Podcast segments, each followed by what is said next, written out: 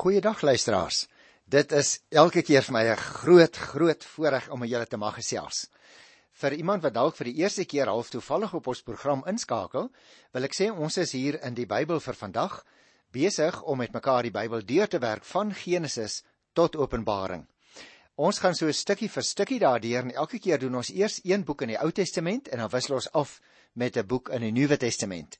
En so het ons nou al gevorder Ons is in die Nuwe Testament klaar met Markus en ook met Matteus en in die Ou Testament is ons klaar met Genesis, Eksodus en op die oomblik is ons besig met die boek Levitikus. Nou kom ek vertel vir nuwe luisteraars net so bietjie die oorsig, die sketsplan as jy wil van die boek Levitikus. Dit bestaan uit 6 groot afdelings. Die eerste afdeling het gehandel oor voorskrifte vir die verskillende soorte offers wat die mense moes bring.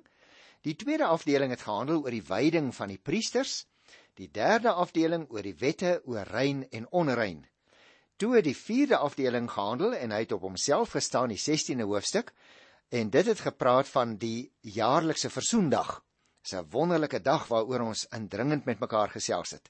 En toe het ons nou al so 'n paar programme van tevore begin met die vyfde afdeling wat dan handel oor die heiligingswet en dit strek van hoofstuk 17 af tot aan die einde van hoofstuk 26.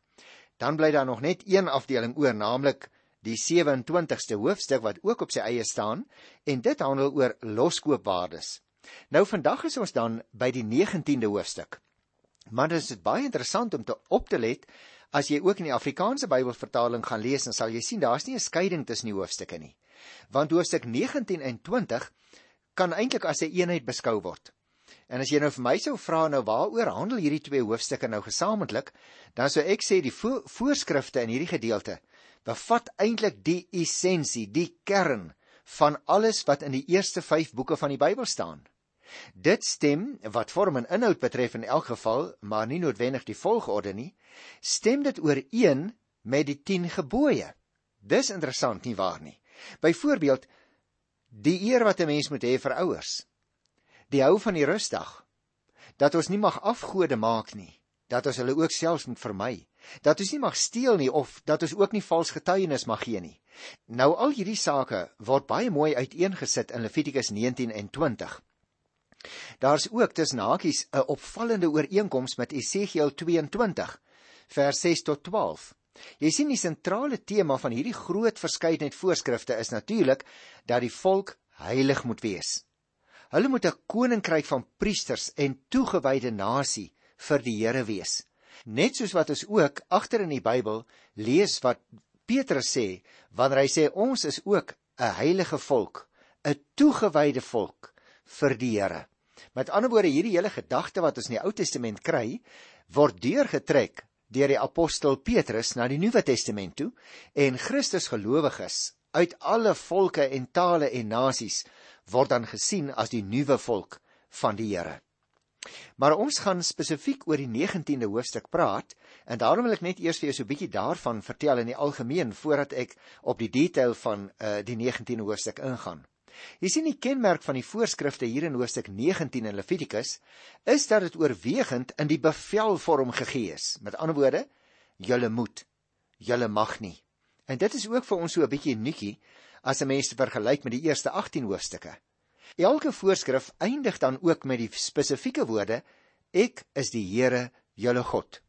Die voorskrifte toon dan ook vir ons aan wat die ingesteldheid van die gelowiges teenoor 'n hele wye reeks verskeidenheid van sake moet wees, soos byvoorbeeld bepaalde reëlings en wetgewings ten opsigte van landbougrond of die eiendom van 'n ander persoon of handel en veral natuurlik jou verhouding met die medemens.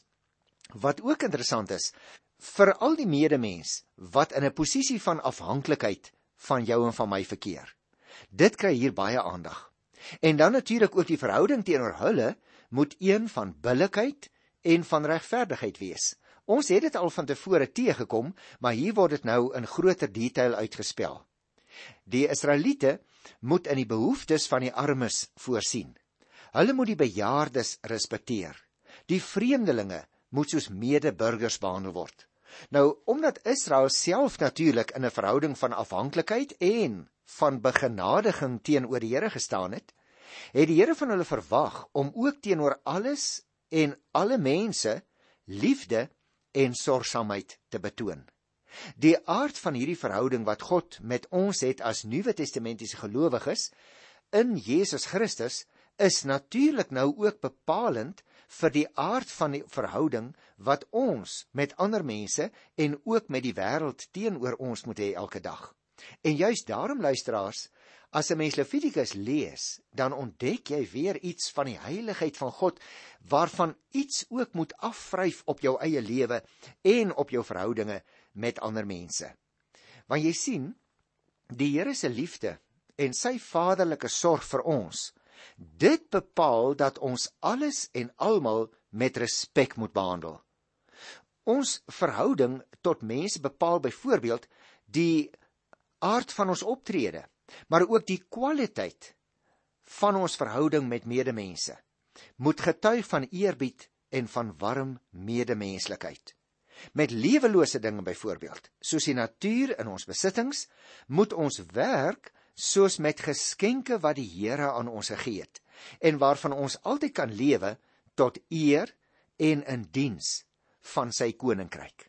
Jy sien dit gaan dus daarom dat soos wat Psalm 24 by die eerste vers sê, die aarde en alles daarop behoort aan die Here. Daarom moet jy en ek selfs in ons handelinge byvoorbeeld om 'n boom af te kap, baie goed daaroor dink, want ons kan nie 'n enkele boom uit ons eie en uit eie kragte produseer nie. Dit is alles dinge wat die Here aan ons leen hier op die aarde. En daarom moet ons ook met respek optree teenoor God se eiendomsgoed wat hy eintlik maar aan ons gee in bruikleen. As ek dit so mag uitdruk. Met ander woorde, die hele optrede van die gelowige mens, of dit nou Ou of Nuwe Testament is, moet altyd gestempel word, moet altyd deurdrenk wees van die heiligheid van God wat dit stempel en bepaal. En daarom wil ek tog net 'n paar opmerkings maak so in die algemeen oor hierdie woordjie heilig. Die woord heilig in Hebreëus het ek eendag ook al van tevore vir julle vertel, is kadosh. En die stamwoord in die Hebreëse taal beteken waarskynlik so iets soos afsonder. Met ander woorde, om af te sonder. Iets is byvoorbeeld afgesonder wanneer dit van die gewone gebruik afgesonder is aan die diens van die Here. So bietjie eenkant gesit is nie waar nie. En so is dit natuurlik ook met bepaalde persone in hierdie wêreld. Maar onthou, die Here self is die heilige. Dit word elke keer in die boek Levitikus by verskeie geleenthede herhaal. Ek, die Here, julle God, is heilig, daarom moet julle ook heilig wees.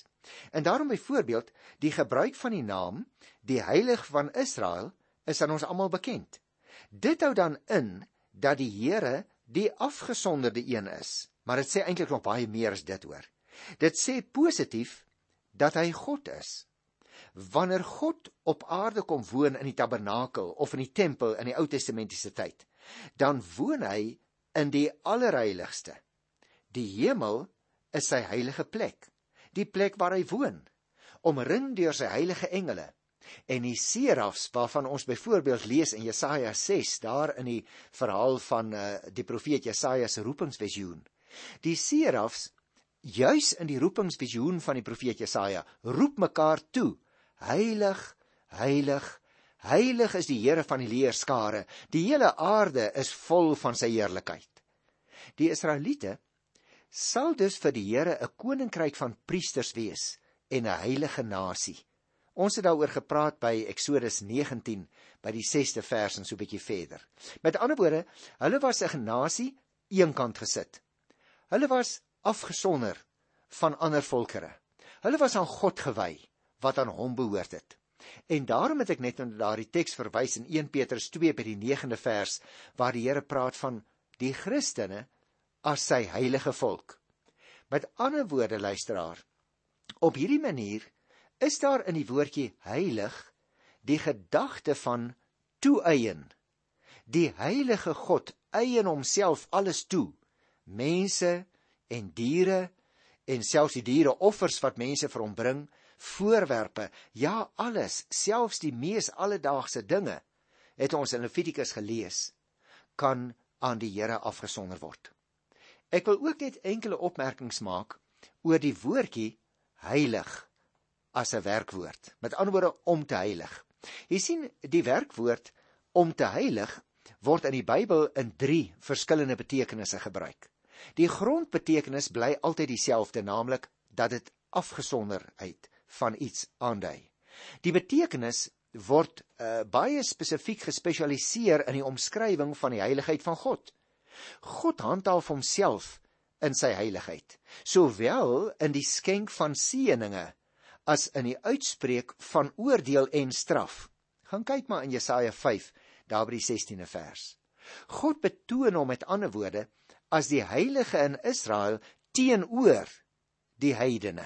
Ons lees dit ook in Eksodus hoe dat die Here reëls gee vir die mense wat aan hom afgesonder of eenkant gesit is en daarom moet hulle in hulle optrede ook iets van daardie heiligheid deurgee. Die werkwoord om te heilig beteken dan ook om in 'n toestand van heiligheid te bring, veral in die destydse seremoniële diens in die kultus van ou Israel.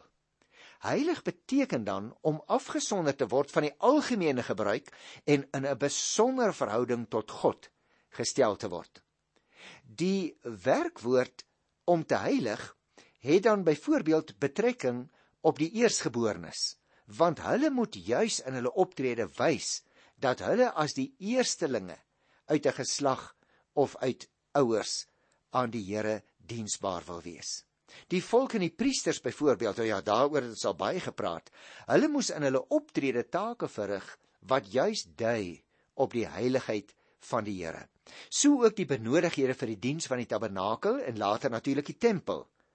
Uh so byvoorbeeld ook die dag van die Here wat geheilig moet word en in ons optrede en handelinge moet ons as Nuwe Testamentiese gelowiges elke dag ook die dag eer en heilig met ander woorde ek kan nie net die Sondag eenkant sit en sê ek moet rus en daardie dag behoort aan die Here nie maar elke dag moet dit uit my optrede blyk dat ek heilig wil optree in my verhouding teenoor die Here. Dit geld ons geld. Dit geld ons goed. Kortom, op alles wat aan God gewy word en dus van die wêreld afgesonder is. Nog net een opmerkingie. Ehm uh, in die Nuwe Testament uh, word van die gelowiges gepraat as geheiligdes of in die Griekse taal in die Nuwe Testament en oorspronklik heiliges. Met ander woorde, mense wat deur die Heilige Gees van die wêreld afgesonder is en as nuutgebore mense moet lewe. Net soos wat die Here vir ons gesê het in Johannes 3 by die 3de vers. Voordat ons die koninkryk van God inkom, moet ons eers opnuut weer gebore word. Nou miskien is dit genoeg agtergrond hier vir die 19de hoofstuk en daarom begin ek in Levitikus 19 nou by die eerste 2 verse. Die Here het vir Moses gesê: praat met die hele gemeente Israel en sê vir hulle: "Wees heilig, want ek, die Here, julle God, is heilig." Nou, ek het nou net gesê uh, by die inleiding dat ons hierdie uitdrukking "ek is heilig" en daarom wil die Here hê ons moet ook heilig wees, verskeie kere spesifiek in die boek Levitikus teekom. Nou baie interessant as ons nou hier by die 19de hoofstuk is, dan wil ek dadelik sê anders as in hoofstuk 18 dek die voorskrifte in hoofstuk 19 'n baie wye veld. En feitelik alle lewensterreine kom in hierdie hoofstuk ter sprake. Ons skryf voorskrifte oor offers, daar in vers 5 tot 8, ek gaan dit nou nou behandel, oor die regspraak in vers 15, selfs voorskrifte ten opsigte van die landbou vers 23 tot 25 of vir besigheidstransaksies vers 35 en 36 en ook verskillende voorskrifte wat handel oor maatskaplike sake wat ons veral kry in vers 32 tot 34. Met ander woorde, dit raak eintlik alle aspekte van die elke dag se lewe. En die rede daarvoor is natuurlik voor die hand liggend. Die Here is Israel se God wat hulle uit Egipte verlos het. Hy verwys ook daarna in vers 36. En daarom het die Here hulle totale lewe opgeëis in alles wat hulle elke dag gedoen het, moes dit duidelik word dat hulle aan 'n God behoort wat heilig is, anders as enige afgod daar buitekant. En daarom na die inleiding hier in die eerste 2 verse, bestaan die hoofstuk in die res dan uit verskillende onderafdelings wat ek dan gaan bespreek soos wat ons daarby kom. Ek dink dit is ook interessant net om daarop op te let dat die laaste 3 voorskrifte in die hoofstuk, daarvan vers 32 af, weer die optrede met medemense beklemtoon. En uiteindelik gaan jy sien, gaan die hele hoofstuk 19 in Levitikus afsluit met die woorde ek is die Here. Hy begin dus as dit ware daarmee in die eerste vers en hy sluit ook daarmee af in die 37ste vers. Kom ons kyk hier by vers 3. Want hy staan eintlik so bietjie op sy eie. Elkeen van julle moet eerbied hê vir sy ma en pa. Julle moet my gebooie oor die Sabbat gehoorsaam. Ek is die Here, julle God. Is dit nie wonderlik nie luisteraars? Die eerste van hierdie uh voorskrifte stem baie baie ooreen, inhoudelik eintlik heeltemal ooreen met die 4de en ook die 5de gebod van die 10 gebooie. Maar interessant, dan in omgekeerde orde. Hier word gepraat van ma en pa en Sabbat. Uh en gaan vergelyk dis dit gerus daar met Eksodus 20 vers 8 tot by vers 12. Kom ek lees 'n volgende klein op klein afdelingkie hier van vers 4 tot by vers 8. Julle mag nie afgode dien nie. Nou onthou jy luisteraar, dit handel nou natuurlik oor die tweede gebod uh in Eksodus 20. Hier staan nou julle mag nie afgode dien nie en julle mag nie vir hulle afgodsbeelde maak nie. Daar het jy dit. Ek is die Here julle God. Wanneer julle 'n maaltyd offer vir my die Here slag, moet julle dit so doen dat julle vir my aanneemlik is. Julle moet die vleis eet op die dag wanneer julle slag of hoogstens die volgende dag. Wat oorbly tot die derde dag moet verbrand word.